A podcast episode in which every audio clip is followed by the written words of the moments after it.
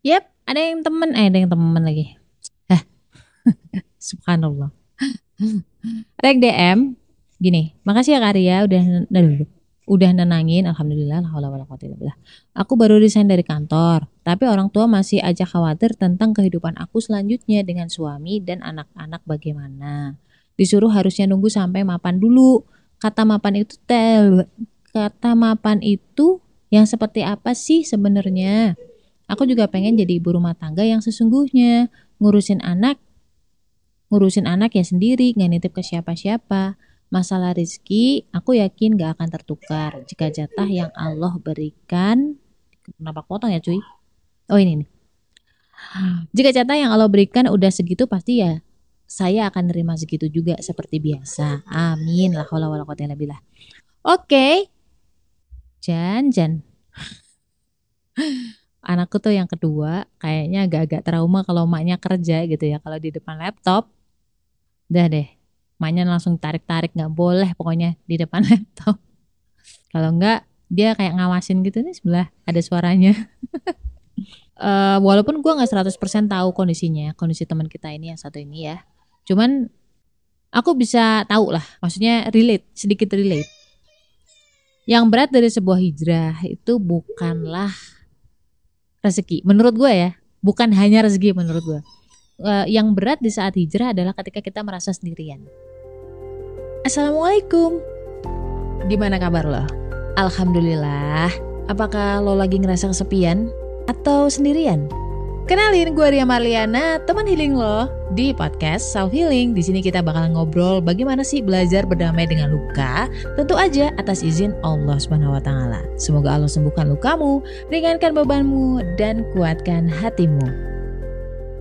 Gue terus terang tipe orang yang gue bodoh amat dengan orang lain yang tidak terlalu berpengaruh ke dalam diri gue, ke dalam hidup gue. Cuman bisa berkomentar tapi ngebantuin enggak gitu. Itu gue bisa untuk leave it gitu. Hempaskan mereka itu bisa.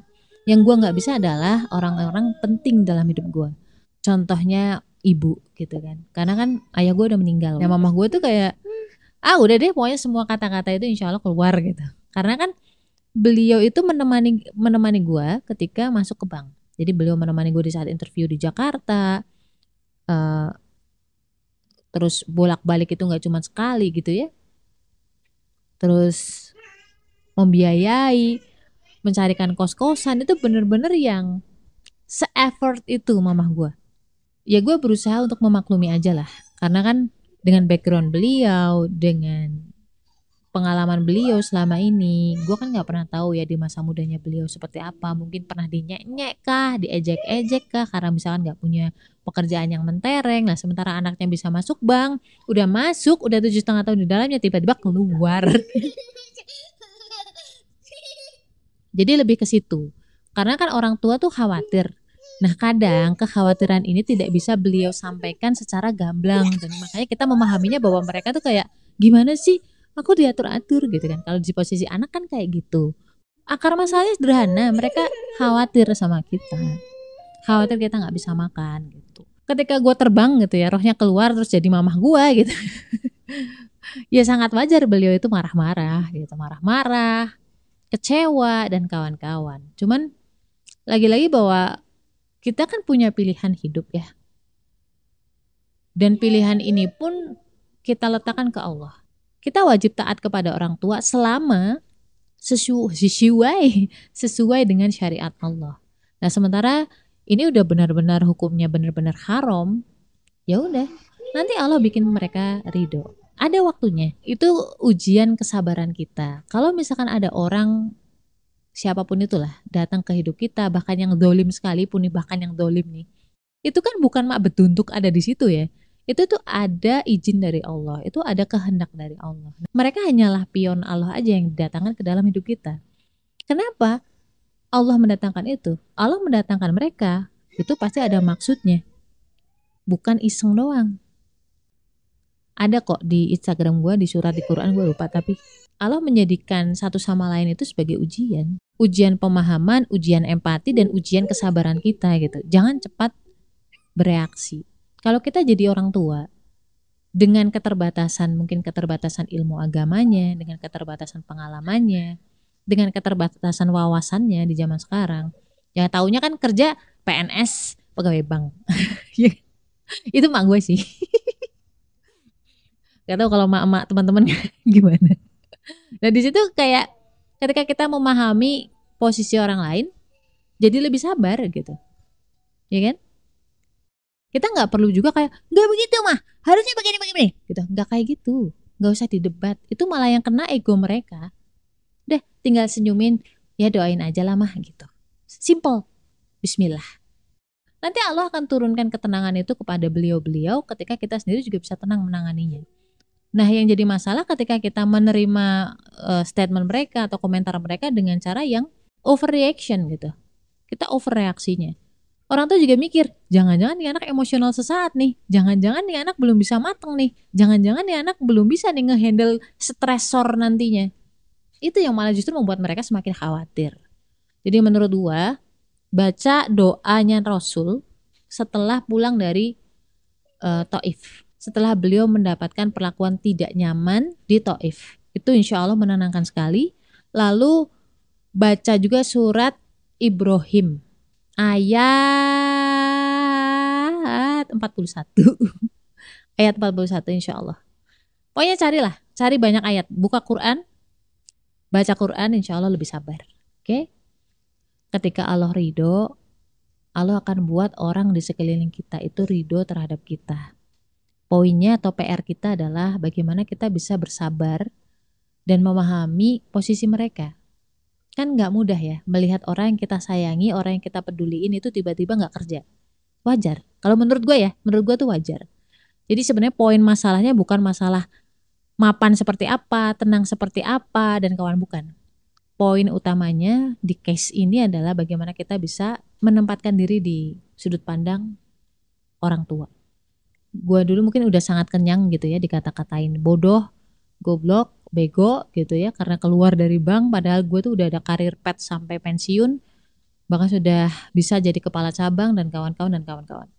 Tapi again bahwa gue lebih takut kalau misalkan gue mati masih di bank. Gue takut ketika gue mati endingnya cuma neraka aja. Karena tidak ada ending yang lain dari daging yang tumbuh dengan nafkah yang haram kecuali neraka. Jadi di situlah gue berpikir bukan hanya diri gue karena gue juga menafkahi anak-anak. Kasihan sama anak-anak. Gue nggak tega kalau sampai anak-anak gue gue anterin ke neraka.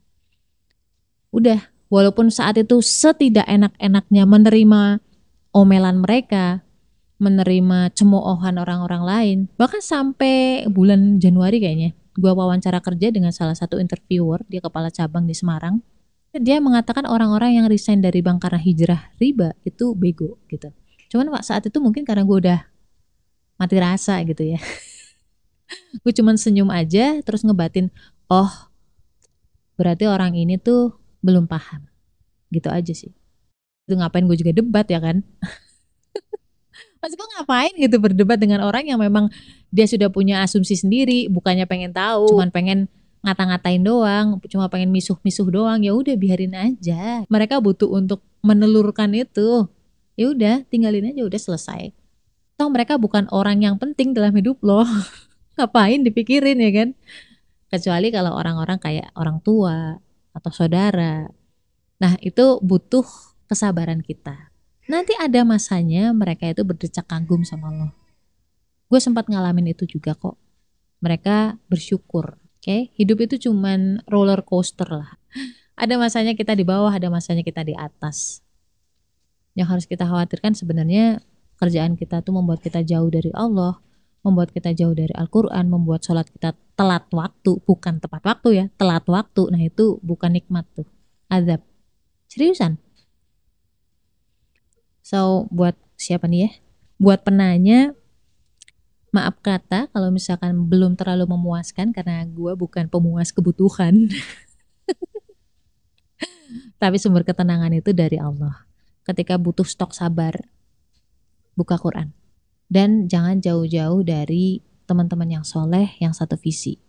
Semoga tetap istiqomah dan semoga orang tua diberikan hidayah dan dibukakan mata hatinya oleh Allah Subhanahu wa taala. La haula wala quwata illa. Stay love and assalamualaikum warahmatullahi wabarakatuh. Kenapa sih golongan darah B itu pelupa? Susah banget ingat nama. Orangnya juga cuek, nggak pekaan, nggak perhatian. Kenapa coba? Bedah itu semua dari buku cerita tentang karakter golongan darah B dengan judul Beauty in a Beast.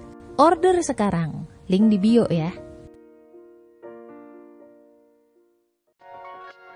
Buat teman-teman yang pengen nambahin cerita gue atau pengen nanya-nanya, boleh banget klik link komen di bawah.